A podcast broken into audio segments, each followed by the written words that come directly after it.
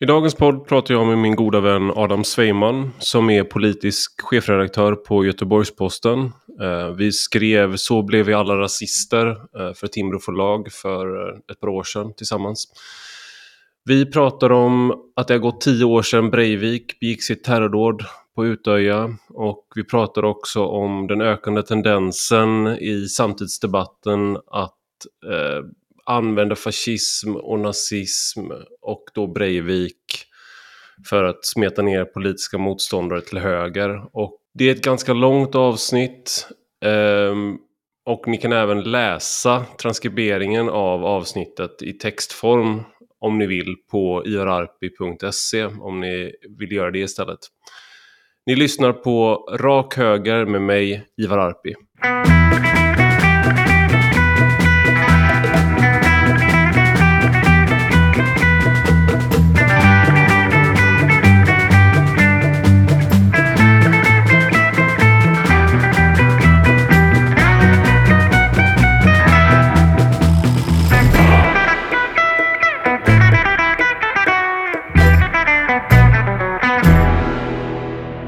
Välkommen Adam Sveiman till Rak Höger. Tack så mycket. Du, eh, du skrev en text för några år sedan som hade rubriken Året då alla blev fascister. Eh, men det var alltså inte det här året eh, utan det var 2015 du skrev det. Mm. Det hade lika gärna kunnat vara skrivet nu, häromdagen, skulle man kunna säga med tanke på hur mycket vi diskuterade 2021 också. Ehm, men kan du, kan du beskriva varför året eh, då alla blev fascister var 2015? Vad du menade? 2015 var ju året med, med hela flyktingkrisen och eh, eh, rädslan för vad som skulle hända också ifall man slog på, liksom, stängde av kranen och, och, och helt enkelt stängde gränsen, vad det innebar och så.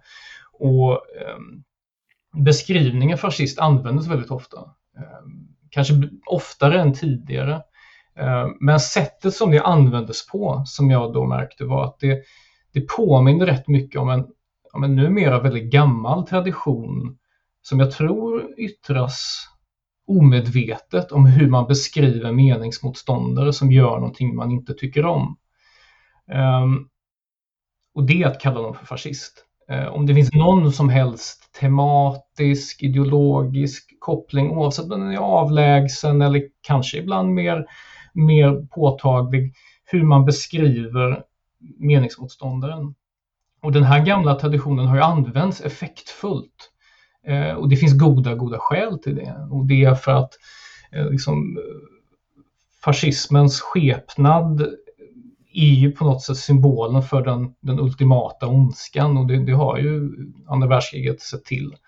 Um, och, men sättet som det används på påminner rätt mycket och det var det som jag, tesen som jag drev i den texten var att tesen, att, att hur man använder det påminner rätt mycket om hur, om hur man under kommunisttiden beskrev i stort sett alla meningsmotståndare. Ehm, alltså även demokrater demokrater av olika slag, liberaler, konservativa, socialdemokrater rent av, bondepartister och så vidare. Som ett sätt att, att eh, få ett, ett moraliskt övertag som är så, så totalt, så massivt att diskussionen är över. Mm. Och, och, jag tror att det, det är så man använder det idag också. Ehm, med framgång, skulle jag vilja hävda. Det var ju, eh, Eh, om man kollar bakåt i historien, när fascismen uppstod så var det ju en... Eh, redan liksom på 20-talet när man försökte benämna fascismen eh, så 1924 så beskrevs den av kommunister som eh, liksom den mest reaktionära, mest chauvinistiska och imperialistiska falangen av finanskapitalet eh, ungefär. Eh, och, och, då att det var så att säga den, en reaktionär eh, reaktion på hotet från kommunismen som den sista andningen som kapitalismen gör för att hålla sig kvar vid makten på något sätt. Mm. Eh, och så det, det, det var en definition och då blev så att säga allting kapitalismen och fascismen hamnade väldigt tätt eh, ihop där i den definitionen.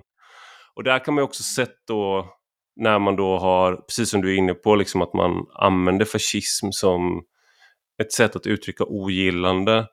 Men det har också varit då, där kan, kanske kan förklara varför människor till vänster har haft en tendens att till exempel beskriva Margaret Thatcher eller mm. eh, Ronald Reagan eller nyliberalismen som en form av fascism. För att det, det har liksom, det har en äldre historia också. Eh. Mm. Och, och, och, en äldre historia som eh, inte är helt, det, det, är inte en total eh, lögn. För att när fascismen uppstår direkt efter första världskriget och då är det ju en, det är arbetslösa, eh, virriga och i, i mångt och mycket, alltså soldater som i mångt och mycket känner sig svikna av det samhälle de har ägnat flera år åt att försvara eller strida för. Um, och de här soldatfacken i, Italien där de första liksom, fascistklubbarna eh, uppstår, eh, de är ju en, en, en, aggressiv reaktion mot revolutionära strömningar. De är ju ett svar på revolutionära strömningar från vänster. Så det, själva liksom impulsen för fascismen är reaktionen mot vänstern. Mm. Och, och, i vissa fall så såg ju eh, liberaler och konservativa såg att okej, okay, det här är inte bra, men vad fan ska vi göra? Vem ska vi, eh, så att säga, ingen här är värd att samarbeta med. Eh, och då uppstår den här från vänster, den här liksom eviga dolkstötslegenden, det vill säga att, att borgarna kan tänka sig hellre, i vissa fall, i vissa fall var det inte så, samarbeta med reaktionen än att samarbeta med de revolutionära eh, elementen. Mm. Eh, och, och, det är väldigt tydligt, det är tydligt i Italien. Eh, det är tydligt i, i Spanien under 30-talet där en del liberaler eh, samlar sig i, på republikens sida och vissa går till eh, Franco-sidan som är ett sammelsurium av royalister och falangister eh, och francoister. Så att det finns liksom en historia här varför man säger så. Eh, sen har man dragit det väldigt långt, man har gjort det till ett allmängiltigt argument. Mm. Jag, jag, tror man, man kan också säga, å ena sidan har man då fascismen som ett historiskt fenomen och då kan man se liksom att i Italien uppstår den egentliga fascismen under Mussolini och den är um, Eh, den är specifik för Italien. Om man, om man ska använda liksom en vetenskaplig definition av vad fascism är så är det nog där den är. Sen har den börjat användas som ett samlingsnamn för eh, diktatorer eller diktaturer i den här tidseran eh, som delar drag med den italienska fascismen och då kommer Franco i Spanien med eh, och Salazar i Portugal. Men om man tar de då falangisterna och eh, och Salazar i Portugal, om man tar dem, de är ju inte fascister. De, där fanns fascistpartier, men de trycktes ner sen av, just, av både Franco och Salazar. Och anledningen var att fascisterna var en revolutionär rörelse till stor del också. Man föraktade mycket av det gamla, man ville krossa det gamla, man ville skapa en ny värld Eh, med, som var annorlunda än den gamla. Och man tyckte att liksom, man hånade konservativa som gamla gubbar som ville, ville bevara en värld från igår. Så man var både liksom teknik, man var väldigt positiv till teknologisk eh, utveckling och liknande eh, och eh, förändring på sådana områden samtidigt som man var reaktionär då på andra områden. Eh, och det där är också en distinktion som gör att till exempel Franco och Salazar i vissa avseenden skulle kanske kunna beskrivas som fascistiska om man har någon slags idealtyp där man ska uppfylla vissa kriterier. Mm. Men de skulle själva vända sig emot det för att de ville ju bevara den katolicismen, de ville bevara det samhället som hade funnits innan ståndssamhället. De var väldigt djupt konservativa snarare skulle man kunna se det som, eh, än att de var framåtblickande på det sätt som Mussolini var. Och sen har man ju mm. eh, nazisterna som i, i, sin tur är någonting som då också kallas för någon typ av fascism. Men det är ju också en, en, en egen, en egen eh, ideologi. Eh, men, men, men, den här, den här men det som, är, det som, har, som har återkommit som du är inne på det är ju någonting som då till exempel fick eh, Stefan Löfven att kalla Sverigedemokraterna för ett fascistiskt parti och citera Henrik Arnstad. Och då är det ju fascismen som en slags latent eh, liksom inneboende tendens i ett kapitalistiskt samhälle. Eh, någonting som kan uppstå eh, på olika sätt i olika sammanhang. Eh, snarare än att Stefan Löfven då var rädd för att det skulle vara liksom en brunskjortor som tog mm. till gatorna och började strida. Va, vad tänker du om den fascismdefinitionen? Är det, är det liksom ett, ett, ett evigt fenomen i vårt samhälle? En, en tendens som finns där? Eller är det någonting som är historiskt specifikt? Alltså det finns ju vissa drag som definitivt eh, har, går, har en röd tråd tillbaka till 20 och 30-talet. Det finns neofascistiska partier eller direkt nazistiska partier. Det finns partier i Spanien som kallar sig för eh, falangister. Det finns ett parti som kallar sig för de autentiska falangisterna. Så att de finns och de är stolta över sin eh, historiska, sitt historiska stamträd. Eh, men det finns också lite tror jag, en lathet inför förståelsen av olika typer av radikala högerrörelser. För de kommer i rätt många olika kulörer och, och, och varianter så som du själv beskriver. Jag vill ändå lägga till två till länder där här, konflikten mellan de radikala, våldsbejakande, revolutionära fascistiska elementen eh, kom på kant med reaktionen, alltså de, de, den antingen royalistiska eller traditionella konservativa rörelsen, och det är Rumänien och Ungern. I, i, i Ungern så var, såg Horthy, eh, som ju var allierad med nazisterna, han såg pilkorsen ibland som ett eh, rejält hot.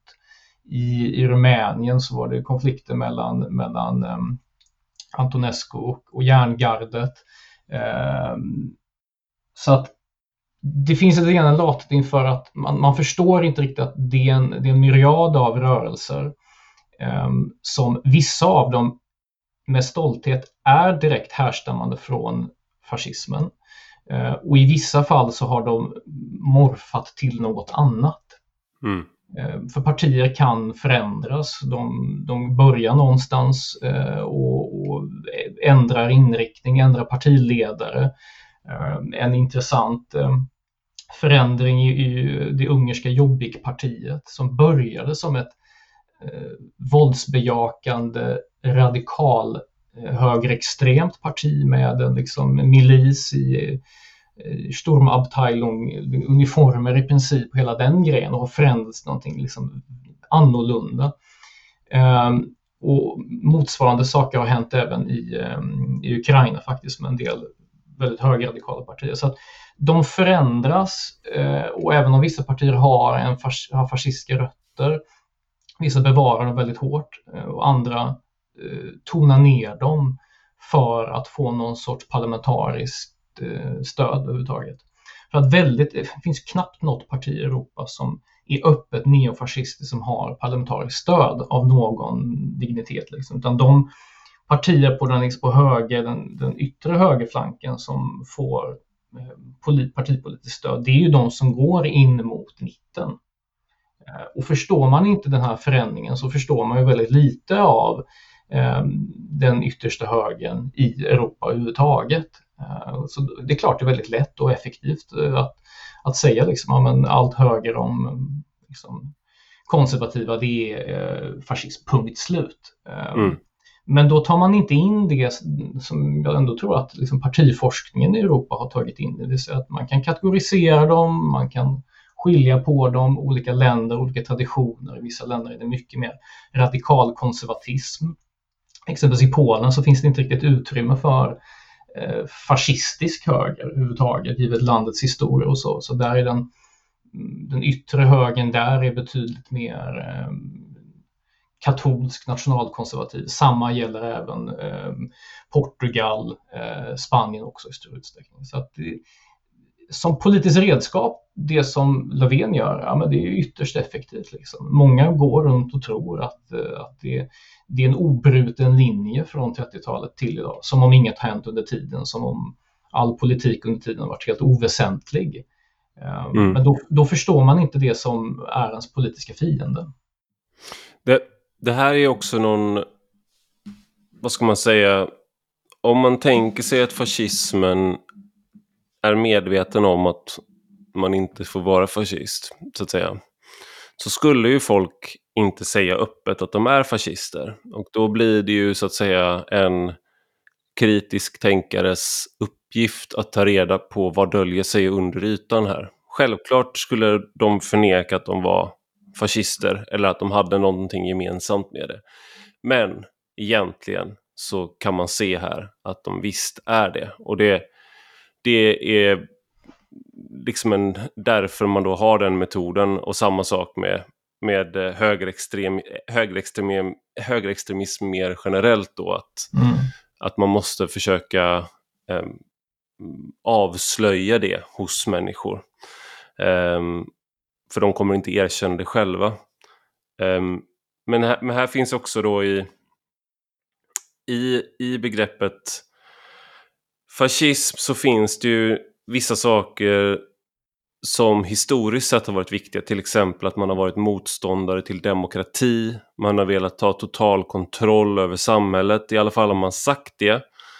Eh, nazisterna, om vi då ska kalla dem för en del av fascismen, eh, jag försöker inte säga att de inte, är, att de inte är, är det, men det finns element där som skiljer sig från den italienska fascismen. Så om man ska mm. hålla sig till strikt historiskt så kanske man ska hålla dem isär på något sätt. Då. Men där upprättade man ju en ganska stark kontroll av samhället. Eh, väldigt stark och man hade ett mål av att liksom allting, alla skulle gå i takt med varandra så att säga. Mm. Men Mussolini lyckades aldrig göra något liknande. Eh, jag tror Tom Holland, historikern, fick frågan om du fick välja mellan att, mellan att bo i Tyskland på 30-talet, eh, Italien på 30-talet eller eh, Sovjet på 30-talet. Var, var, skulle du helst velat bo? Och då svarade han Italien för att Mussolini hade liksom inte det greppet om samhället som Hitler och Stalin hade om respektive land. Men där skiljer de ju sig också då fascister och den, den idéfamiljen från till exempel det vi kallar för eh, nationalpopulism eh, eller högerpopulism. Eh, för där handlar det väldigt mycket om att du ska få mer demokrati, du ska få folkets röst ska höras mer, du ska ha fler eh, folkomröstningar brukar vara någonting vanligt till exempel. Du ska, mm. få, du ska ha mer inflytande eh, över politiken, eh, så att säga din röst ska väga tyngre. Medan som man då i fascistiska länder så, så brukar det eller tidigare i alla fall, har det där varit någonting som man är emot. Att där har det snarare varit en stark ledare som ska på något sätt representera folkviljan. Men, men folket i sig har inte haft, eh, har man avskaffat deras inflytande. Eh, till exempel i, i Nazityskland. Det, men det är, det är ju en nyans som i regel går, går förlorad. Och jag tror den går förlorad medvetet, det vill säga de som är intresserade av att demaskera fascismen bryr sig inte om den sortens detaljer, eh, huruvida man är för eller emot demokrati, för de menar att det där är opportunistiska eh, taktiska val. Eh, och det gör ju också att det blir svårt att förstå en del som är av det mer populistiska slaget, alltså partier som Ukip, eh, Fremskrittspartiet, Dansk Folkeparti, Femstjärnerörelsen i, i Italien väl ett, ett annat exempel.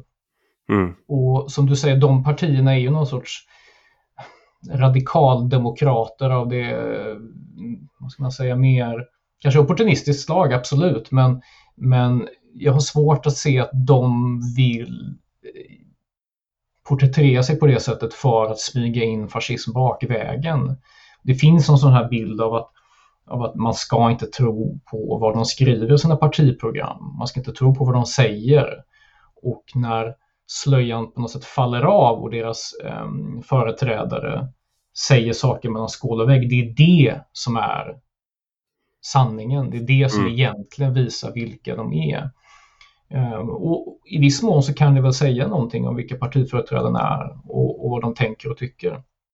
Men innebär det att politiken de driver i parlamenten, i partiprogram och, och, i debattartiklar och så vidare, är det oväsentligt? Är det bara en stor, eh, väldigt väluttänkt och avancerad eh, maskerad?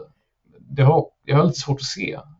Jag tror inte det går. Det är lite konspirationsteoretiskt nästan att tro att det skulle gå för alla de här partierna. Men merparten av partierna är ju inte våldsbejakande fascistiska partier utan de är någonstans på den här liksom skalan eh, partier bortom etablerade borgerliga partier, alltså bortom agrara, liberala, socialliberala, konservativa och kombinationer däremellan. Eh, de partierna måste ju förstås och tas på allvar tror jag. Eh, för de gör, vissa av dem gör ju saker som får betydelse. Eh, ta Lega Nord som ett exempel, italienska partiet som började som ett ett regionalt parti i norra Italien, eh, de har ju stort inflytande. Ska de bara avfärdas som att det är fascism, punkt slut, vi vet vad de vill, vi vet vad de kommer göra. Då förstår man ju inte vad de gör i förhållande till EU, i förhållande till ekonomin och så vidare. Det blir som att medvetet dumma ner analysen av de här. Och därmed blir man också lite sämre tror jag på att förstå när riktiga fascister verkligen försöker ta makten någonstans. För att de har ju inte försvunnit, de finns ju kvar. Eh, de radikala våldsbejakande högerextremisterna och fascisterna, de finns ju. Ehm, och deras tankar har ju inte förändrats väsentligen eh, under alla dessa år. Ehm, men lyckligtvis så är de ju ändå i minoritet. Ehm, mm. Men ändå har de fått bli, symbolisera någonstans den partipolitiska förändringen i Eh, i Europa. Eh, man har målat upp den här bilden, den här liksom återkommande stöveltrampen och fascismen. Och I viss mån så stämmer ju den bilden av en starkare radikalhöger. Eh, men den kommer uppblandad med väldigt, väldigt mycket annat. Jag tror, jag tror också att precis, jag tror man ska skilja på partier som Dansk Folkeparti, Ukip, Framskrittspartiet och eh, Gyllene eh, Gyllene gryning och mm. liknande. Mm. Alltså du, det, det kan vara lockande att säga liksom samma, samma skit om du är vänster för att du vill ha någon slags front mot alla de här. Eh, men eh, det, jag tänker en annan aspekt av det här är ju då att vi har idag ett nytt parlamentariskt läge där Moderaterna och Kristdemokraterna öppnade upp för att samarbeta med Sverigedemokraterna i någon mån. Att Sverigedemokraterna kunde utgöra regeringsunderlag och de började samtala med dem. Eh, sen har Liberalerna också eh, gått den vägen. Eh, men bara i mars i år så stod, sa Stefan Löfven att ehm, demokratin är i fara om man eh, om Sverigedemokraterna får inflytande över svensk politik, det vill säga om mm. man har någon typ av samarbete med dem. Eh, och det där tycker jag är intressant för att det är ju, det där är ju någonting som återkommit genom åren och det där är också därför man har haft till exempel decemberöverenskommelsen januariöverenskommelsen. Allt det där handlar ju om att utesluta SD från allt politiskt inflytande.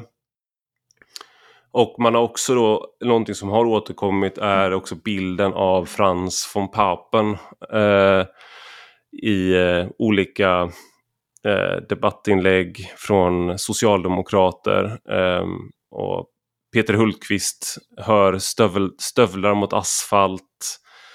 Eh, han säger att det går inte att tämja högerextrema, vem hamnar på rätt sida av historien? Mm. Och, och ska bara säga, Frans von Papen var då den, han var konservativ, han var en politiker eh, i Tyskland på 20-30-talet och han var inte nazist. Men han släppte fram eh, Hitler till positionen som rikskansler. Mm. Och sen rensades han själv, eh, när han protesterade mot eh, eh, antisemitismen eh, efter kristallnatten tror jag det var. Då blev han utsatt för ett mordattentat men så han fick fly. Men eh, i alla fall, det är då Anders Lindberg på Aftonbladets ledarsida som alltid smakfullhetens eh, förnämaste riddare. Han eh, gjorde då ett fotomontage där Ulf Kristersson och Frans von Papen stod bredvid varandra. Så då har vi liksom bilden här nu då av att vi står, det är 2021.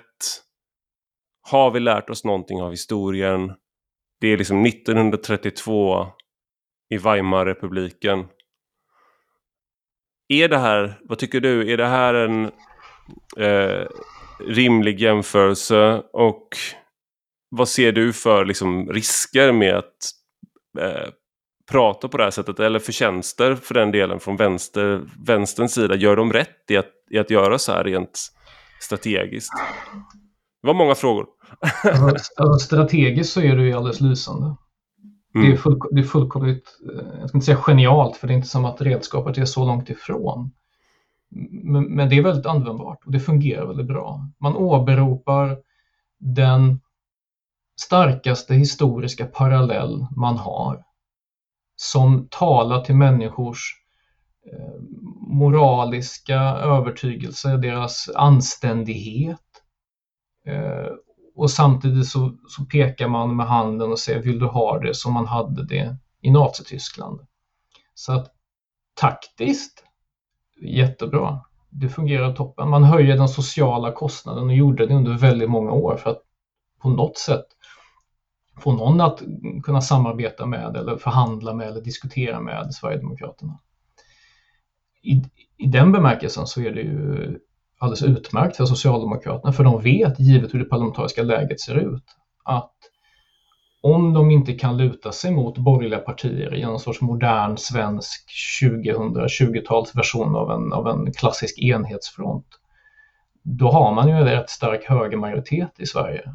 Så de vet ju att det här är det sista halmstrå de har att greppa efter för att förhindra att borgerligheten styr det här landet. Um, och är det ohederligt för att det är opportunistiskt? Ja, till stor del för att... Tror du verkligen det... att det är det? För det här, det här är en sån sak som jag har tänkt väldigt mycket på. För jag, och igen, jag tror att vissa som säger de här sakerna, de de eh, gör det kanske av opportunistiska skäl men jag tror faktiskt att många verkligen tror så här. Så... De bygger liksom sin världsbild på det här. De ser någonting. Och sen har du sådana som då du och jag till exempel då som inte ser det på samma sätt. Vi är antingen då eh, i, i, bästa fall är vi godtrogna och dumma som Neville Chamberlain eller Frans von Papen och i värsta fall så är vi då någon slags smygfascister mm. som vill det här. Ja, och, och, många är nog övertygade. Det finns ett stort tror jag, övermått i Sverige av det som man kan kalla för historicism. Det säga man, man ser de här historiska linjerna väldigt tydligt eh, och man ser sig själv i den här historien. Man nästan lever sig in i det här att det här är verkligen som liksom Spanien 35-36 och här handlar det verkligen om att ha den här enhetsfronten mot det fascistiska hotet. Och, och då tror jag man måste ha lite av en, en belägringsmentalitet, det vill säga att man ser verkligen det här lite som, som Henrik Arnstad ser på, på, på Sverigedemokraterna och på um, högern i allmänhet skulle jag kunna tänka mig. Att de sitter och lurar i vassen hela tiden och bara väntar på att införa raslagar och, och allting och att borgerligheten då bara kommer lägga sig platt eller att de då faller i någon sorts eh, palatskupp av något slag. Då. Och för att den här tanken då verkligen ska stämma, alltså, då måste det någonstans, ett, ett, antal villkor tror jag måste uppfyllas för att det ska stämma. Och det första är att Sverigedemokraterna har lyckats med en, en, en utan motstycke framgångsrik maskirovka, alltså en sorts uh, en, en, teater där de säger en sak men menar en annan. Då. Mm. Det är det första. Eh, det andra är att de inte har förändrats som parti ett dyft sedan början av 90-talet när deras partimedlemmar stod och heilade och hade på sig naziuniformer. Det är det andra. Noll förändring på, på 30 år. Eh, och det tredje är att de borgerliga partierna i förhandlingen med Sverigedemokraterna skulle lägga sig platt i stort sett i alla frågor där Sverigedemokraterna då avslöjar sig själva och säger det här vill vi ha. Eh, och att då M, KD och då kanske L bara skulle lägga sig platt och säga ni får allting. Mm. Eh, det, det, är rätt, det finns fler villkor som jag tror måste uppfyllas för, för att den här, liksom, det här fascistiska maktövertagandet ska, ska, skulle ske då i Sverige. Men jag, jag tror inte på att det kommer ske. Dels tror jag att SD, eh, man kan så att säga, se vilken politik de har drivit. Man kan se vilka förslag de lägger. Man kan jämka det med M och KD och se vad M och KD skulle kunna ge med sig och inte. Eh, jag tror nog att M och KD kommer ställa upp rätt tydliga villkor. Det här kan vi förhandla om, det här kan vi inte förhandla om. Mm. Eh, och i synnerhet så tror jag inte att M och KD är så desperat efter makt att de skulle omkullkasta den svenska demokratin för att få chansen att styra med ett då öppet fascistiskt SD. Alltså det, det är så fantasifullt. Um, och det tror jag de flesta förstår, inklusive rätt många av um, vänsterväljarna. Sen finns det nog vissa som verkligen tror då på riktigt att den här förestående revolutionen kommer att ske från höger och då, det motiverar ju den rädsla och den, den, de höga tonerna som man ofta hör. För skulle jag tro att det verkligen höll på att ske ett fascistiskt maktövertagande, då hade jag nog låtit likadant. Mm. Ehm, men jag tror inte att det kommer ske. Ehm, och, och jag vill ändå säga med det sagt att eh, jag har många skäl, både ideologiska, privata, att vara väldigt, väldigt vaksam inför högerradikala eh, strömningar som skulle få inflytande i landet. Men, vad, vad är det för skäl? Alltså ideologiskt, högerradikaler förespråkar ett samhälle som jag inte vill leva i. Um, rent politiskt på alla sätt och vis. Uh, och, och, privata skälen är ju att, att jag inte har rätt bakgrund och, eh, för att leva i ett samhälle som styrs av högerradikaler. Det är en, en politisk rörelse som har förstört eh, livet och bokstavligen mördat människor i, i min släkt för vilka de var. Så att eh, medvetenheten om vad det innebär eh, och vad det är att vara en måltavla för fascism, för högerextremism, är någonting som sitter väldigt eh, djupt hos, hos mig och i, och i min familj. Eh, så att eh, skulle jag känna att, att det på riktigt fanns en, liksom en, en risk för det, då, då, hade, då hade jag nog låtit annorlunda. Men jag tror inte den risken finns. Eh, det är möjligt att jag om tio år när vi lever i stöveltrampens Sverige kommer få säga fan jag hade fel, men jag, jag har väldigt svårt att se det. Mm. Eh, om M och KD skulle förhandla med SD och skulle det visa sig att de då kastar av sig masken, ja men då, då måste de ju begå statskupp för att ta över landet. Är de kapabla eller vill göra det? Ja, svårt att se det, men eh, det kanske är någon annan som har ett jättebra case, men jag har inte sett någon framlägga det i offentligheten ännu under de tio år då, då SD har varit i, i blickfånget närmast dagligen.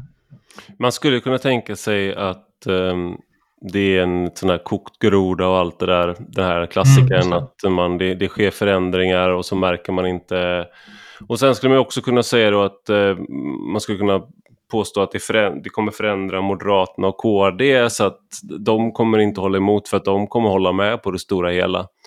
Så sådär, men, men det, det, det, man, det, man kan, det man kan tänka här är att det finns inom SD så finns det eh, eller så här, jag tror att man ska jämföra med vad har hänt i Norge vad har hänt i Danmark? Vad har hänt i Finland? Som alla tre har haft då motsvar motsvarande partier skulle jag hävda. Eh, mm. Det vill säga Dansk Folkeparti, Framstegspartiet och Sannfinländarna. Vid makten i någon mån i olika perioder de senaste decennierna.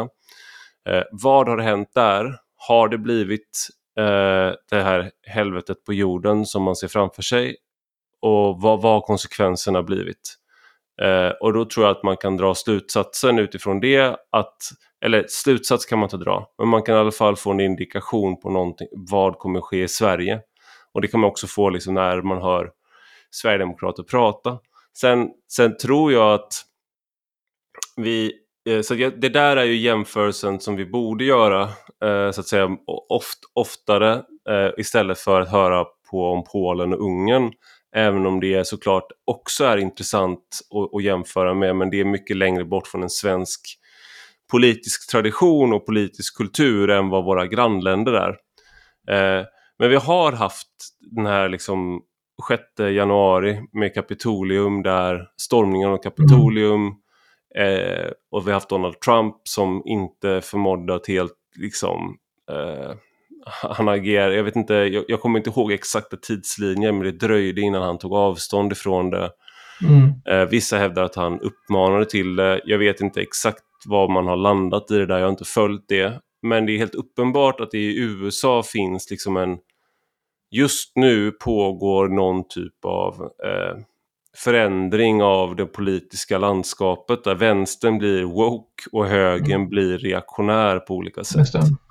Eh, och det där är ju någonting som man får hålla koll på i Sverige, att det inte är någonting Jag ser inte motsvarande tendens i Sverige. Eh, men det skulle kunna vara att jag är hemmablind. Eh, och att jag är en del av förändringen. Så därför så är jag liksom, jag är den som så att säga kokar vattnet. Och de som, mm, håller, på att bli, mm, mm. de som håller på att bli kokade påpekar nu då för mig argt att vad är det du håller på med liksom. Men, um, och det, just det, en, en, annan sak som jag tänkte ta upp med dig här var ju, det är tio år sedan Breiviks dåd um, skedde när han Ja, det är nästan helt, det är liksom som en som osannolikt att han lyckades med det här på många sätt. Men han, han sprängde bomben i regeringskvarteren i Oslo, dödade åtta personer. Sen åkte han ut till Utöja eh, och sköt där. Eh, 69 barn och ungdomar mm. sköt han ihjäl och skadade eh, många fler. Um, men det har då varit då de senaste dagarna, eller senaste veckorna, så har det varit flera... Eh, ja, Liberalerna skrev så här på Twitter. Eh, för nu är det då nio dagar sedan. Men idag, tio år sedan terrordåden i Oslo och på Utöja. Eh, vi får aldrig ge vika för extremism och antidemokratiska krafter. Idag riktar vi våra tankar till offren och deras familjer, skrev Liberalerna på sitt officiella Twitterkonto. Mm. Eh, och då svarade Annika Strandell så här, då hon är riksdagsledamot och tidigare minister för Socialdemokraterna. Att detta inlägg smakar minst sagt lite illa när ni som liberalt parti samtidigt är beredda att underlätta för ett parti med rötter i svensk vit, vit maktrörelse och precis denna tanketradition som drev Breivik att få regeringsinflytande. Ja, det är inte jag som har formulerat eh, mm. den där. Men ja, och Robert Hanna protesterar då, han är riksdagsledamot för Liberalerna. Han skrev att det har vidrig nivå på debatten i Sverige. Sossar tänker göra allt för att brunsmeta oppositionen endast för att behålla makten. Men man måste, man måste visst vara stödparti till Socialdemokraterna för att få minnas offer för terroristdåd. Och då så tog ledarskribent på, ledarskribenten på Aftonbladet Lina Stenberg det till nästa nivå och skrev så här. Fast nu får väl Liberalerna bestämma sig. Antingen är man för SD slash Breivik eller så är man det inte. Ja. Um, ja. ja din tanke, du har, ju, du har ju anknytning till Liberalerna sedan tidigare, du har varit mm. ordförande för LUF, eh, nu är det ett tag sedan, men eh, vad tänker du om den här, liksom, hur Breivik används just nu i svensk eh, samtidsdebatt? Ja, men det, det, det bubblar upp.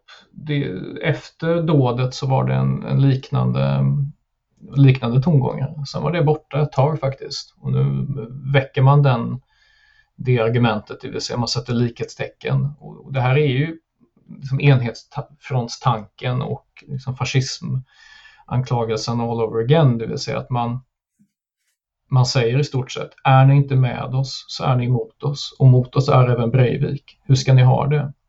Mm. Och för att återanknyta till det här året då alla blev fascister, texterna jag skrev, så när efter kriget när det fanns eh, oppositionella som hade överlevt hela kriget i Östeuropa. Alltså liberaler, borgerliga, socialdemokrater och andra som kröp ut ur ruinerna och ville återetablera sina partier. För att kommunisterna då, för de hade inte de hade inte folkligt stöd i den utsträckning som krävdes för att få en demokratisk majoritet. Inte i något östeuropeiskt land som tog över. Så vad de gjorde var att de stämplade i stort sett alla som inte valde att uppgå i de enhetsfronter som man då hade. De anklagade man för att vara fascister. Mm. Då var det, det var ju länder som var i kaos och det fanns ingen liksom, rättsstat överhuvudtaget utan den sköttes av ockupationsmakten, kommunisterna. Och då ställde man dem inför rätta, man mördade dem och så vidare. Allt med som svepskäl att det här är ju fascister, de är motståndare. Och jag gör ingen historisk jämförelse här i bemärkelsen att det här är exakt vad Socialdemokraterna gör, för det gör de verkligen inte. Men tanken att de som är emot oss, eller i alla fall inte väljer att lägga sig platt och vara emot oss, de är kopplade till det värsta som finns eh, långt ut på extremhöger, det vill säga en mördare och terrorist som eh, Breivik. Mm. Eh, och det, det argumentet är ju på ett sätt är ju väldigt vidrigt liksom för att det, det gör ju ett parti som Liberalerna som har en, eh, liksom en, en tradition som de väldigt ofta själva talar om att liksom alltid konsekvent, alltid varit emot all radikalism och rätt många av deras medlemmar känner nog ett, liksom en, en stor tung känsla i bröstet av att herregud, är det, är det det här vi gör? Är det det här vi gör? Och med, Sverigedemokrat, med Sverigedemokraterna. Ja, precis, mm. precis, precis. Samarbetar vi med någon som är terrorist? Men jag tror så här att tror man på riktigt på, den här, på det här likhetstecknet så skulle man gjort någonting annat med Sverigedemokraterna långt tidigare. Då hade man gjort det till en polisiär fråga.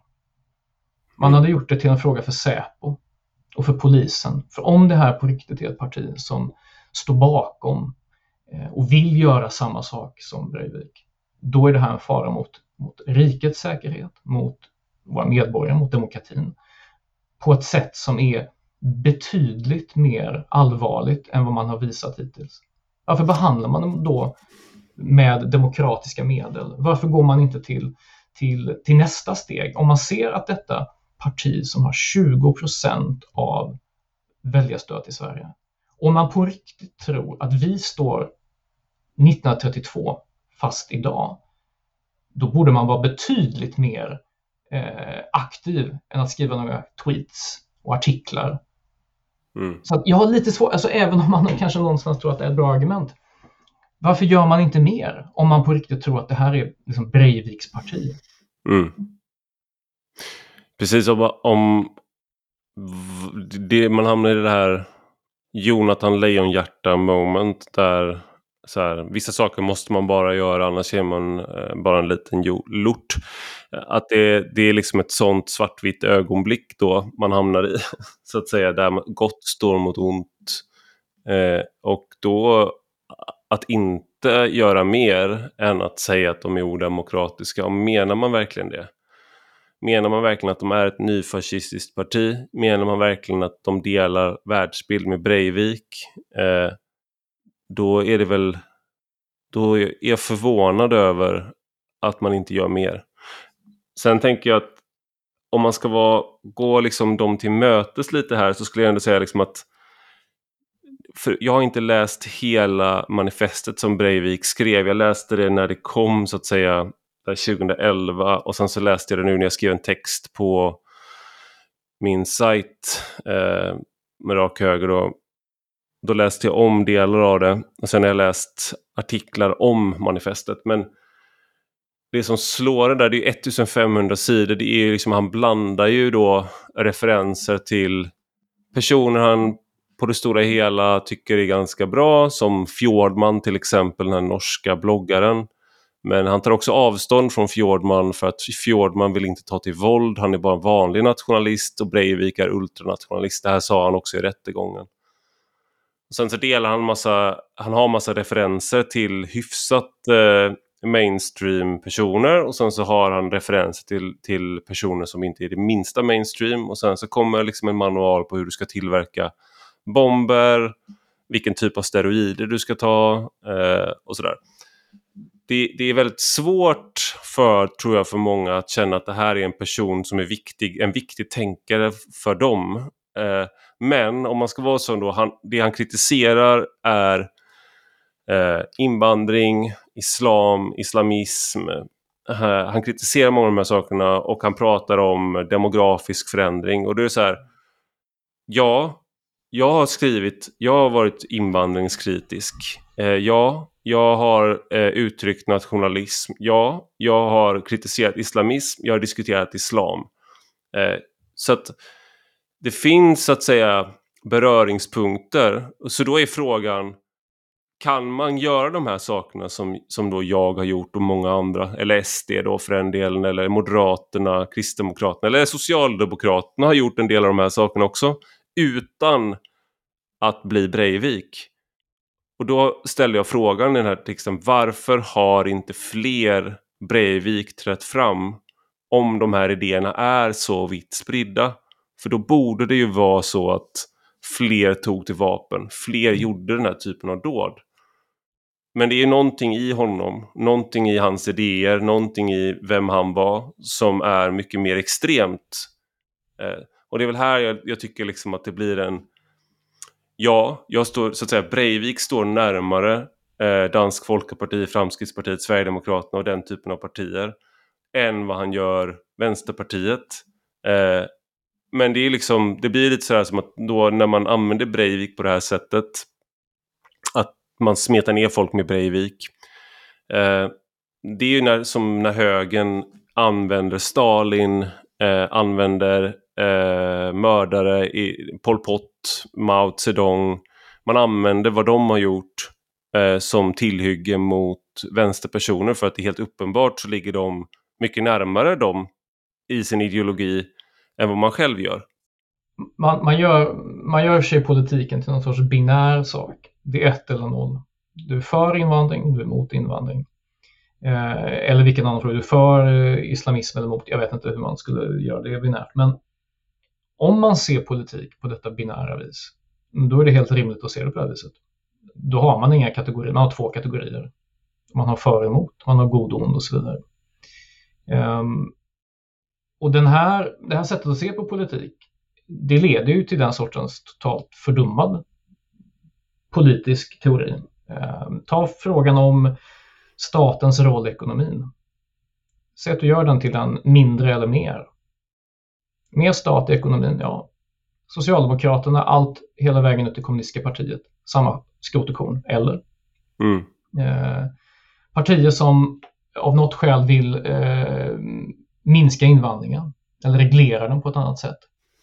Ja visst, ja men då makes sense. Det, Breivik vill ha kanske totalstopp och repatriering. Eh, är det samma sak som eh, Socialdemokraterna som vill ha en stramare invandring?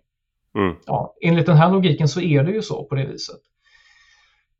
Um, och vill man ha den här sortens förenklad eh, binär politisk teori, ja men då, då, då kommer man låta på det här viset. Visserligen selektivt, för att alltså, även till vänster så finns det en rad, en rad politiska frågor där man har någon beröringspunkt som du säger med någon som är mer radikal. Eh, innebär det att, att Vänsterpartiet är samma sak som ett oreformerat marxist-leninistiskt parti? Nej, det är de inte. De är ett reformerat marxist-leninistiskt parti som ju i mångt och mycket har gjort upp med sin odemokratiska och totalitära historia. Men här skulle jag ändå hävda att det finns kortare, det, här, det är väl det här som är, liksom, nu kommer jag provocera en del, men det finns eh, kortare distans mellan vänsterextremister och eh, liksom det finns människor som, som har den bakgrunden som är journalister i public service idag. Det finns väldigt få som har bakgrund inom nynazistiska rörelsen som är det. Det finns fler kopplingar mellan existerande diktaturer eh, som eh, eh, Hugo Chavez eh, i Venezuela, Fidel Castro, Kuba.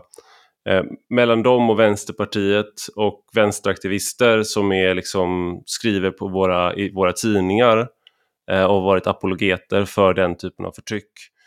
Än vad det finns människor som är eh, försvarat tyckt att Breiviks eh, mord på barn eh, är någonting att stå efter och det här var bra gjort. Så att det blir också ironiskt i det avseendet när man inte har städat någonting framför den egna dörren så att säga. Men jag skulle också vilja bara lägga till här att Breivik själv, någonting som jag då eh, tryckte på i min text, tog upp som ett nummer där, eller tog upp som en, en poäng han gjorde i rättegången var att han ville eh, skynda på den konflikt han såg som oundviklig. Och då ville han så att säga minska, han ville att hans dåd skulle innebära att det blev svårare att vara kulturkonservativ och nationalist och liknande. Så du måste välja sida så att säga. Du måste bli mer radikal om du är kulturkonservativ och nationalist för att det kommer bli, bedrivas en häxjakt på dig. Eh, och det är det, det som kallas för accelerationism som finns för, hos många terrorister, att man vill använda sin terror för att, alltså måltavlan kan vara, en, kan vara någon, eh, men det kan också vara ett syfte som är att skynda på en process som man ändå ser som oundviklig. Man vill väcka då människor. Det var det som Breivik ville göra, han ville väcka då. Eh, och det här har Baader-Meinhof-ligan eh, eh på 70-talet, den marxistisk-leniniska terrorgruppen i Tyskland, de, de ville det också.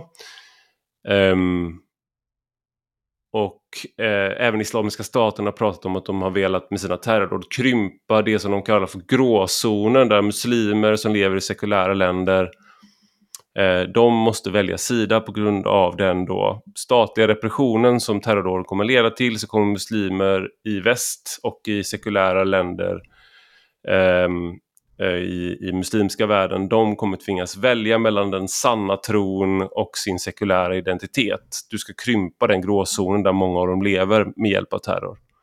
Mm. Eh, och då blir det så här, eh, det som många har reagerat på i min text har varit att man då uppfattar det som att jag lägger skulden på vänstern för Breivik, men det är inte det jag säger, utan det jag säger är att om man då beskriver Sverigedemokraterna, Moderaterna och Kristdemokraterna i termer av odemokratisk Frans von Papen, nyfascism, att man verkligen framställer det på det sättet, ja men då har, då, då har man ju skyndat på. Då, är man, då skyndar man ju på den konflikten. Då gör man ju i princip det som Breivik i rättegången sa att han ville uppnå. Då är man ju en del av det. Ja, jag håller nog inte helt med. För att det skulle kräva att eh, partier som ligger långt ut på högerkanten eh, då väljer så att säga sida och accelererar sin radikalism, eller blir radikaliserade eller till och med våldsbejakande revolutionära. Den rörelse vi har sett de senaste 5-10 åren bland de partier som tveklöst har eh, rötter i betydligt mer radikala eh, kretsar har i den så att säga, politiska finrummen förändrats rätt mycket. Um, på ett sätt som, jag tar SD som exempel. SD som parti 1990 eh, hade de fått 20 procent i Sverige om de inte hade förändrats? Jag tror inte det. För att tittar man på SDs väljare, vilka nu är 20 procent av Sveriges befolkning, en mindre andel av dem betecknar sig som någon sorts radikal nationalister än betecknar sig som konservativa liberaler, mitten eh, eller till och med några socialdemokrater. Eh, I så fall har ju i någon bemärkelse så har ju Breiviks tanke misslyckats för att många av de här partierna har ju gått en annan väg och de partier som har varit true så att säga de för fortfarande en tynande tillvaro. Det finns undantag. Eh, Gyllene gryning som nämndes tidigare här i samtalet var ett sådant exempel som fick upp mot 10 procent. Ja, nu, nu är merparten av partiledningen i partiet sitter bakom lås och bom för att de var radikala, våldsbejakande. Eh, även Grekland, ett land med en relativt sett Europa rätt instabil demokrati, lyckades mota bort den radikalismen. Brit det, British, British National Party eh, har det ja. gått. Eh, de har ju rasat samman helt och hållet de senaste tio åren. Ja, och det, och det sker för att sådana partier är ofta väldigt... Den typen av radikalism kräver en uppoffring från dess medlemmar som väldigt få är beredda att leva med och en del till och med växer upp ur.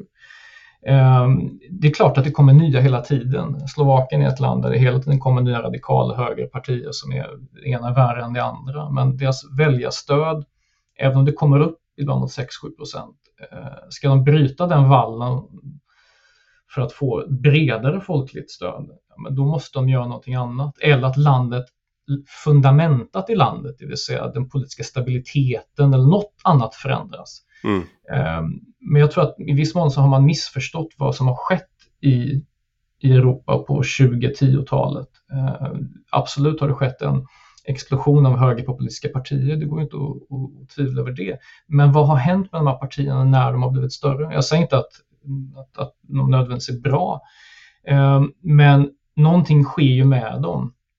Så att de som mest hårt kör på den här enhetsfrontstaktiken är ju de någonstans som faktiskt tror jag de ökar konfliktnivån väldigt, väldigt mycket. Eh, och då får man lite grann det som sker tror jag i USA, där även den, så att säga, den, den tidigare traditionella högern i någon mån radikaliseras till slut. Mm. Det sker rätt mycket som ett svar, skulle jag vilja säga, på vad som händer långt ut på vänsterkanten i USA. Mm. Um, och tack och lov så har vi inte något liknande i Sverige. Uh, det vill säga att, att även om vi har en stor vänster i Sverige, den är inte så radikaliserad, varken när det kommer till ekonomiska frågor eller identitetspolitiska frågor. Där kan man diskutera. Att få ett motsvarande svar från höger, utan den svenska högern är fortfarande rätt här, traditionellt beskedlig och så vidare. Jag tror, eh. att vi, jag tror att vi är på väg, det, det är annorlunda på vissa sätt här, men det finns ju um, Sven-Erik Lidman, idéhistoriker, han skrev en debattartikel häromdagen där han sa att eh, han varnade för vad som kommer hända med kulturpolitiken om SD får makt över den. Eller får inflytande där.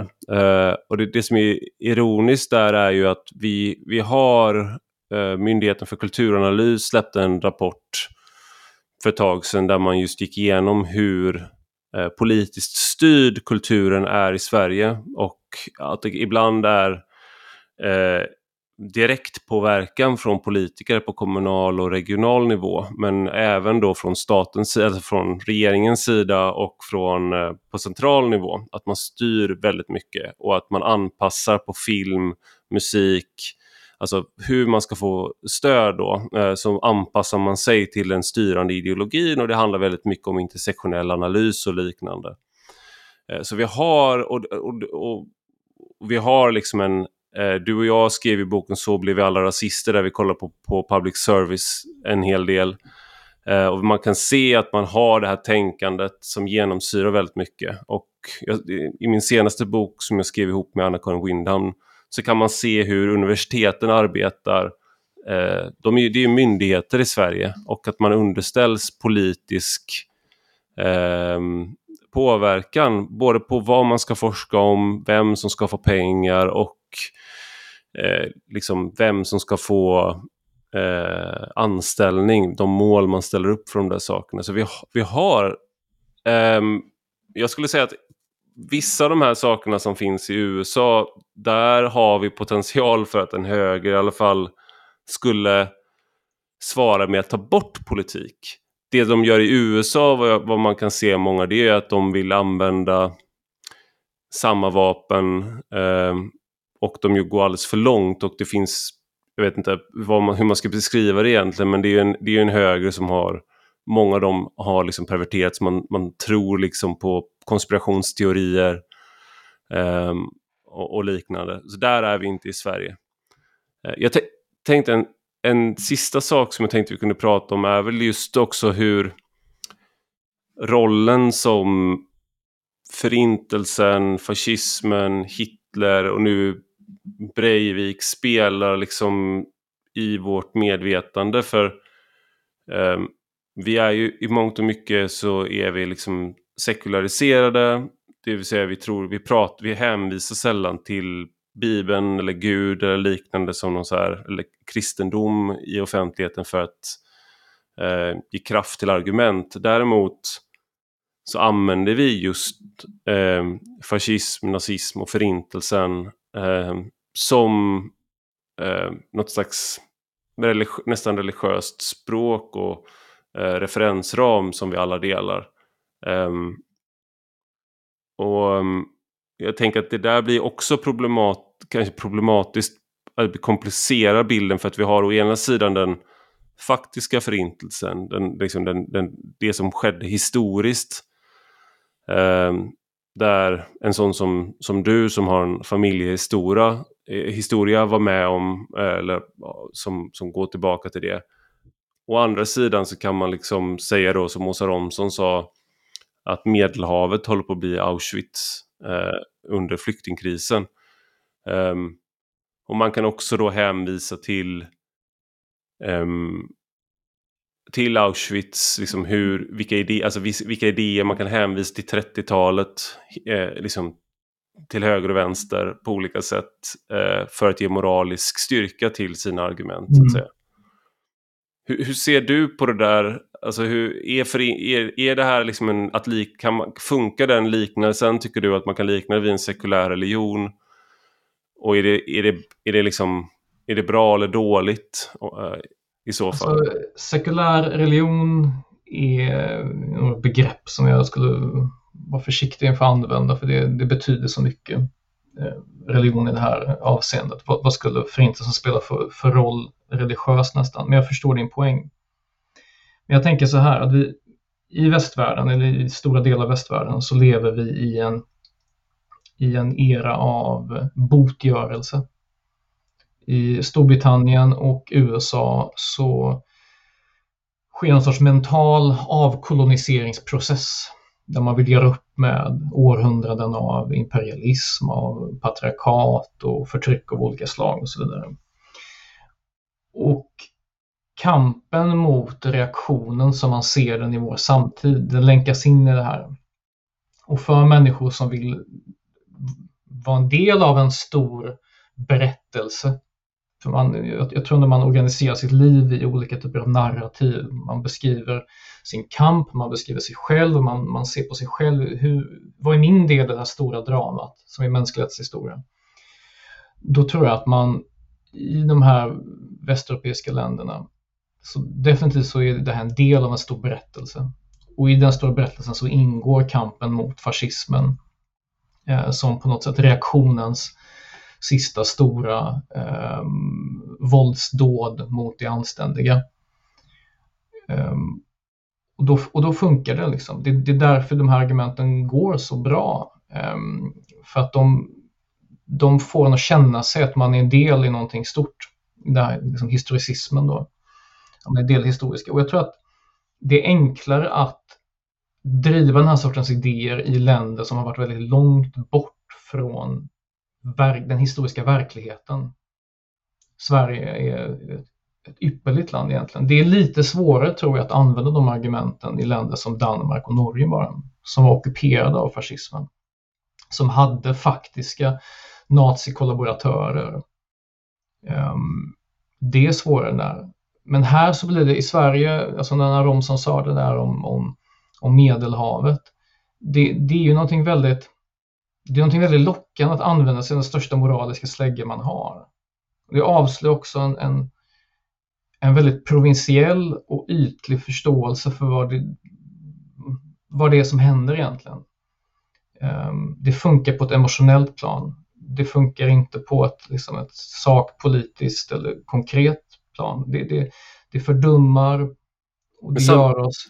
Kan det inte samtidigt, jag tänker på en sån här berättelse som den barmhärtige samariten Ehm, att, eh, och samariter, det som gör den berättelsen stark eh, av många skäl, men det är ju att samariter var ett, ett, ett folk som många såg ner på, som hade väldigt låg status.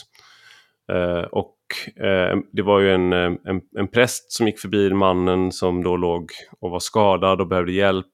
Alltså de, de, de människorna som hade status i samhället, de gick förbi och hjälpte inte. Men samariten hjälpte.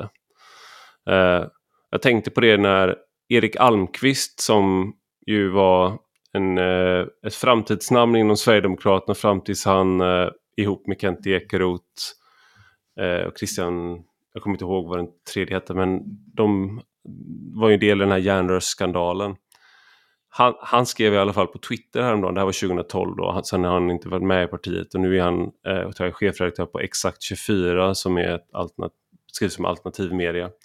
Eh, men i alla fall, han skrev eh, på Twitter om att han skulle köpa någonting i, i en butik, om det var ICA, och trodde det var typ en en glass eller någonting. Det var någonting han skulle köpa men han hade inga kontanter och de tog inte kort där han skulle köpa det. Och då kom det fram en romsk tiggare och gav honom 20 kronor kontant för att hans son då, eh, som var med, skulle kunna få den här grejen. Och han sa då att han själv aldrig har gett pengar till tiggare. Så det här, den interaktionen han har haft då med mm. tiggare är att han själv har fått pengar från romska tiggare. Och det som gör det, då, kan man ju, då kommer man ju tänka på den barmhärtige samariten. Och så mm. du, du har ju, på det sättet skulle man kunna säga då att även om det inte går att jämföra rakt av så är de här bilderna vi har av andra världskriget, nazismen, fascismen, eh, förintelsen, det liksom gör att det lyfter fram vissa moraliska aspekter i tillvaron som vi annars kanske skulle missa. Så att säga, aldrig igen. Och då mm. så ska vi lyfta fram det. Eh, jag är lite kluven till det för att jag tycker liksom att det, det finns värde i, i de, de händelserna var unika på många sätt. Eh, men det finns också då någonting som gör att de var så unikt onda eh, att man för, till varje pris vill undvika att någonting liknande sker igen. Å andra sidan så tycker jag som du att det fördummar många gånger och det, det överanvänds så att det, det tappar sin laddning, eh, vilket gör det, det liksom perverterar um, det historiska minnet av de här händelserna. Och att det perverterar minnet av de historiska händelserna, det är illa nog. Men vad det kanske framförallt gör, det är att det fördummar vår förståelse för det som är riktigt farligt. För det som verkligen kan hända. För tecken i samtiden på att någonting håller på att gå åt helvete. Um, Václav Havel, den, den, den tjeckiske eh, oppositionsledaren som senare blev president, han, han återkom till det här att leva i sanning. Det är väldigt viktigt. Eh, och även när det inte är alltid enkelt. För att det är enkelt att svepas med den här stora narrativen, de här moraliska, svartvita eh, uppdelningarna och så vidare. Men jag tror uppriktigt inte att det är att leva i sanning. För jag tror inte att det är att förstå vad som händer. Eh, och jag tror i många fall att det är att inte bara vanhelga offren för eh, radikalism, och de, det finns många, och även i vår tid. Radikala strömningar som vill ta livet av människor finns i många länder av olika kulörer. Utan att det gör oss dåliga på att förstå riktigt farliga samhällsomstörtande verksamheter. När vi använder det här på det här slentrianmässiga viset som Annika Strandhäll gör. Mm det, det, det stärker inte Socialdemokraternas motståndskraft mot, mot farlig radikalism, utan det är att kokettera med det viktiga uppdraget som är att vara demokrat och för eh, frihet. Um, och det är nog det som provocerar mig mest. Att det, det är i mångt och mycket ett, ett liksom opportunistiskt ljugande um, som känns enkelt att använda för det är så kraftfullt. Just för att det länkar in i den här kraftfulla berättelsen.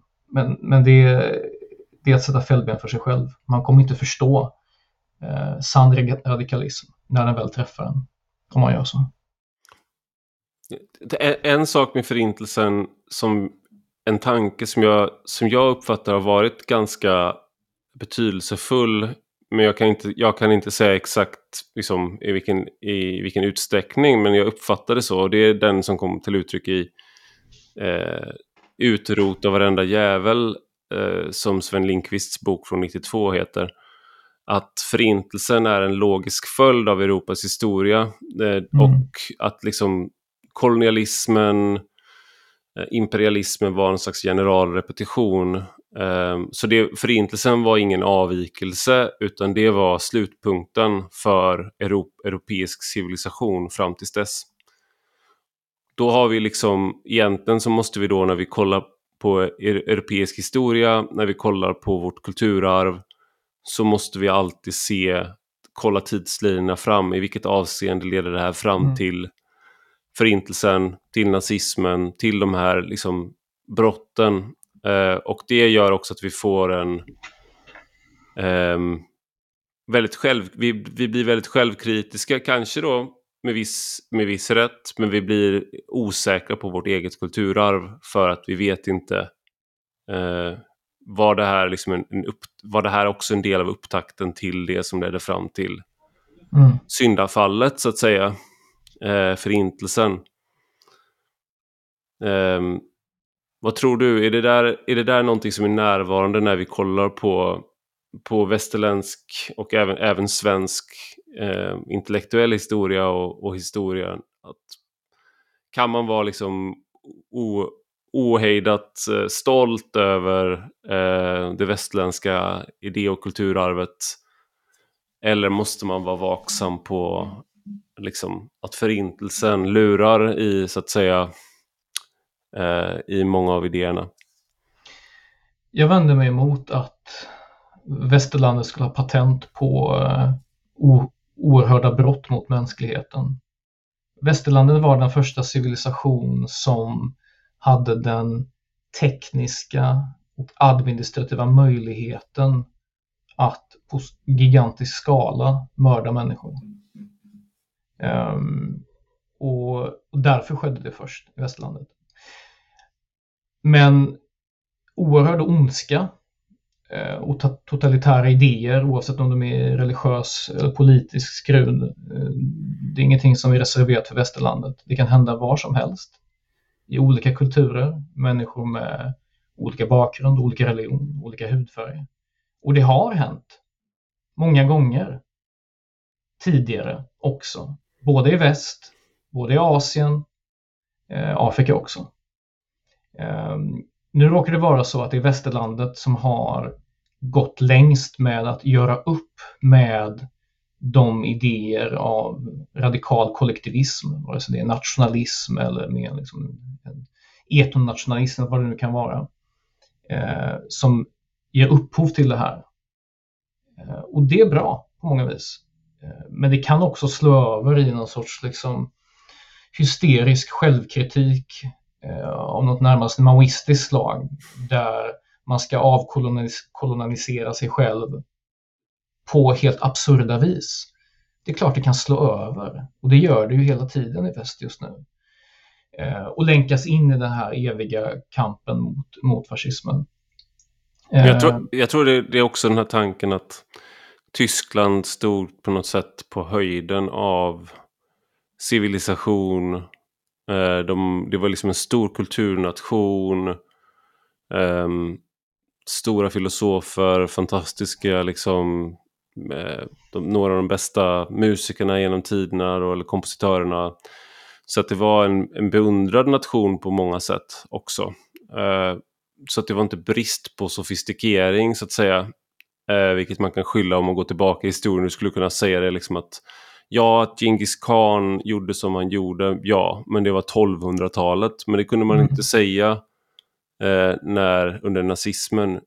De hade så att säga de hade alla verktygen rent eh, eh, kulturellt för att stå emot det här skulle då, då vissa säga. Och därför då när vi trots då att en, en europeisk kult, högtstående kultur, att de var det, så, så hände det här. Och därför så, så, så finns det liksom en, en sjukdom i den europeiska civilisationen eh, och det är liksom den här den fascistiska tendensen som hela tiden riskerar att uppenbara sig. Och det är väl det här den här sekulära, det är därför jag, det är det jag, jag beskriver mm. som då en sekulär religion. att vi har liksom en ondska i oss som existerar där i den europeiska civilisationen som eh, vi alltid måste vaka på på ett sätt som då eh, som är unikt för oss unikt i bemärkelsen att, att de stora folkmorden på 1900-talet ägde rum i, ja, de ägde inte bara rum i Europa, de ägde även rum i Sovjetunionen och i Kina. Eh, mm. Så, att, så unika är vi inte. Ehm, det är 1900-talets liksom, eh, historia, dess, dess, ideologiska och teknologiska utveckling som ligger bakom den här storskaligheten. Och eh, jag tror det är väldigt farligt om man tror att det här är en sorts unikt europeisk sjukdom.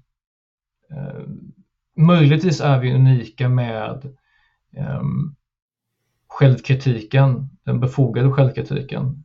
Um, för den är inte lika stor i många andra länder som har varit med om, om, om oerhörda folkmord.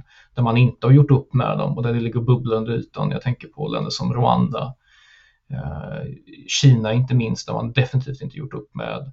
Där man än idag håller på och internerar tiotusentals människor eh, och förtrycker dem på ett sätt som, som skulle göra Stalin grön av avund. Mm. Så att eh, vi är unika med hur mycket vi gjort upp med det och vaksamheten. Och den är inget negativt, men den kan också eh, slå över, i, den kan också perverteras. Um, så att, um... Men varför, varför är inte, för jag upplever det ändå som att kommunismens brott, så att säga, det här är ju då högerns, eh, man vill alltid prata om kommunismens brott, eller alltid, men man, det där är någonting mm. som, som man inte inte har gjort upp med på samma sätt och det är fortfarande så här att du kan säga Ja, men om man är ung och man är kommunist, ja, men de vill ändå mm. något väl. Alltså jag känner ju själv människor som har varit väldigt engagerade kommunister eh, och det gör ju du också när man var ung. Eh, mm. Jag har vänner fortfarande, eh, inte så många, men som kallar sig kommunister jag känner ingen som säger så om nazister eller nynazister. Att, ja, men han var ju nynazist men han, var, ja, men han vill ju ändå väl. Eller liksom att man är en aktiv nynazist idag och det är liksom eh, Ja, ja, han är nynazist men han är en trevlig kille i övrigt. Det finns inte samma laddning med kommunismen även, även om, om liksom det som skedde under Stalin, det som skedde under Mao Zedong, Pol Pot. Alltså det, det är fruktansvärda brott mot mänskligheten det, det också. Men vi har inte internaliserat det moraliskt på samma vis. Därför att fascismen nedkämpades som aktiv politisk kraft 1945. Sen var det slut. Det har bubblat, men det har aldrig dykt upp. Inget land, om man inte räknar Salazars Portugal och, och Franco-Spanien som var ju varianter som vi tidigare berört. Men som politisk kraft så var den död och har varit död sedan dess. Men hela efterkrigstiden så var ändå vi hade en bipolär världsordning. Och tack och lov så, så dog Sovjetkommunismen och kommunismen som aktivt politiskt system i världen, även om dess dödsryckningar håller på än i vår dag. Det är protester i Kuba nu exempelvis, Nordkorea finns kvar. Eh, men på grund av att det har varit en lång process där det ändå var ett accepterat alternativ, även i Sverige ansågs det vara ett accepterat alternativ att vara Sovjetvänlig så har vi inte gjort upp med det på samma sätt och har inget behov av att göra upp med det. Och dessutom, vilket du påpekade tidigare, så har vi personer som har en bakgrund inom den radikala vänstern, de kanske vuxit upp eller lämnat de mest radikala åren. Men man ser inte på det på samma sätt. Det är inte samma skam att ha varit involverad i radikala kommunistiska organisationer som det har varit att vara radikal nationalist, nazist, etnonationalist och så vidare. Det mm. som Kjell Albin Abrahamsson kallade för halvtidshumanism. Um, och det skulle jag vilja säga är en av västerlandets unikt eh, existerande konstiga sjukdomar. Den här halvtidshumanismen. Vad är definitionen som, av det? Ja, men det är att man, eh, man har goda instinkter när det kommer till eh, vaksamhet mot fascism och alla dess avarter. Men man är fullkomligt tondöv när det kommer till någon sorts radikalism av ett annat slag. Möjligen att man har vaksamhet mot religiös extremism, om den är kristen. Men eh, man inordnar den islamska radikalismen i någon sorts, ah, de som kritiserar dem är ju liksom suspekta och så vidare, så det är nog inte så farligt.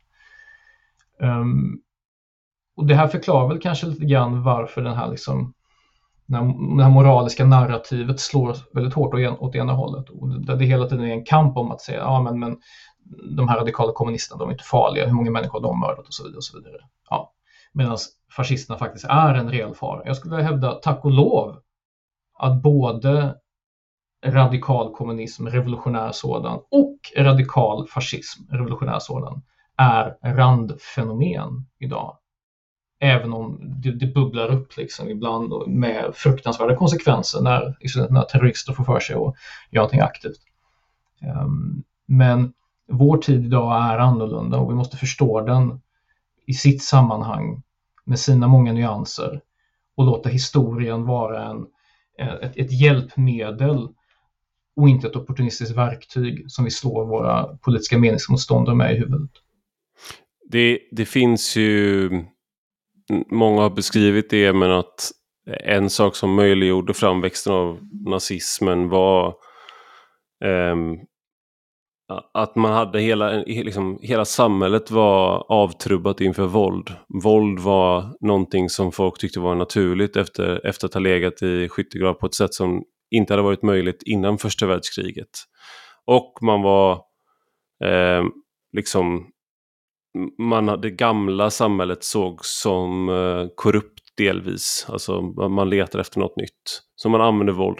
Idag skulle jag säga så är våld någonting som är mer än någonsin eh, alltså som en politisk som politiskt verktyg är tabu och det är jag väldigt tacksam för att om det skulle framkomma liksom att ett parti har en paramilitär vinge i Sverige idag så skulle det liksom eh, i min, min gissning och förhoppning att då skulle stödet för det partiet försvinna över en natt nästan. Om det skulle mm. framkomma till exempel eh, topparna i Sverigedemokraterna samtidigt sponsrar en, liksom, någon typ av paramilitär organisation som begår politiska liksom, våldsdåd mot meningsmotståndare, ja, då skulle de där 20 procenten de har i väljarkåren skulle försvinna väldigt, väldigt snabbt. Det är inte därför, det, det är den typen av politik är vi liksom inte, vill vi inte ha eh, idag. Att vi, vi är väldigt annorlunda eh, rent historiskt då jämfört med, eller jämfört med det historiska 30-talet som, som eh, ledde fram till fascism och nazism och andra världskriget. Men ja, så att vilka, det jag skulle vilja avsluta med att fråga dig, är vi på rätt sida av, av historien, du och jag då? Vad är det vi ska vara vaksamma med och är vi förblindade av vår egen ideologiska utgångspunkt som är någon slags jag ska inte lägga, jag ska inte, jag ska inte etikettera dig, men liberal konservatism eller konservatism i mitt fall kanske. Libera, men någon typ av liberalism. Vad är vi, vad är vi blinda för? Och, och vad, är det vi, vad är det vi ska vara rädda för eller vaksamma på nu när vi går in, nu när vi går in längre in i 20-talet? Små frågor. jag tror ändå att, att eh, den här observationen du gör är rätt pregnant för att den, det här våldet som man kan se i, i vissa samhällen som är en vardag. Eh, tyvärr tror jag att man ser det rätt mycket i USA just nu. Mm. Både från eh, den radikala vänstern och den radikala högern. Att det är någonting som kan komma rätt snabbt eh, om så säga, samhällets på riktigt anständiga krafter. Och med anständiga krafter menar jag alla som är demokrater och som är mot våld som politisk kraft och som är mot totalitära eh, politiska redskap. Eh, den vaksamheten behövs alltid. Den är, den är evig för att vi är inte immuna mot snabba förändringar givet att samhället hamnar i, i djupa kriser, vare sig de är ekonomiska eller politiska eller sociologiska, någonting förändras i samhället. Um, och jag tror så länge man har den, den insikten och förstår vad är det som driver radikalisering, vad är det som driver människor att ta steget bort från samtalet, orden, parlamentariska processer. När man förstår när folk tar det steget, då tror jag man har tillräcklig vaksamhet. Um, och vad gäller Europa och Sverige de, de kommande 5-10 åren, vi, vi, vi, får se. Jag är i alla fall inte, jag är inte så lockad att, att ta fram ett facit helt och säga att det här kommer hända. För jag, jag vet inte och jag vill inte jag tror inte att Annika Strandhäll eller någon ledarskribent på Aftonbladet heller sitter med historiskt facit. Um, även om det är klart lockande att använda historiska paralleller för att förklara vad det är som kommer hända imorgon och vad våra politiska meningsmotståndare egentligen tycker och så vidare. Um, vaksamheten behövs, men den ska nog inte missbrukas och det, det, är möjligt att man får fel och att, och att vi står i en fascistisk diktatur om tio år. Um, men jag har väldigt svårt att se det. Ehm, oavsett hur mycket man bläddrar i historiska facitet eller ser på vilket land vi befinner oss i och vilket liksom vår ekonomiska och teknologiska nivå. Det borde inte leda till det. Men kanske vet eh, Aftonbladet ledare någonting som vi inte vet. I så fall får de nog delge det. Om vi hamnar i en fascistisk eh, diktatur om tio år, då hoppas jag att vi hamnar i samma fängelsecell så vi får tid att umgås lite mer eftersom vi bor i olika städer och vi aldrig har tid att träffas. Stort tack för att du var med i Rak Höger, Adam. Tack så mycket. Och stort tack till dig som har lyssnat. Har du några synpunkter eller frågor kan du alltid mejla mig på ivararpi.substack.com Gå gärna in och skriv en recension och sätt ett betyg på Apple Podcast så jag vet vad ni tycker. Tack och hej!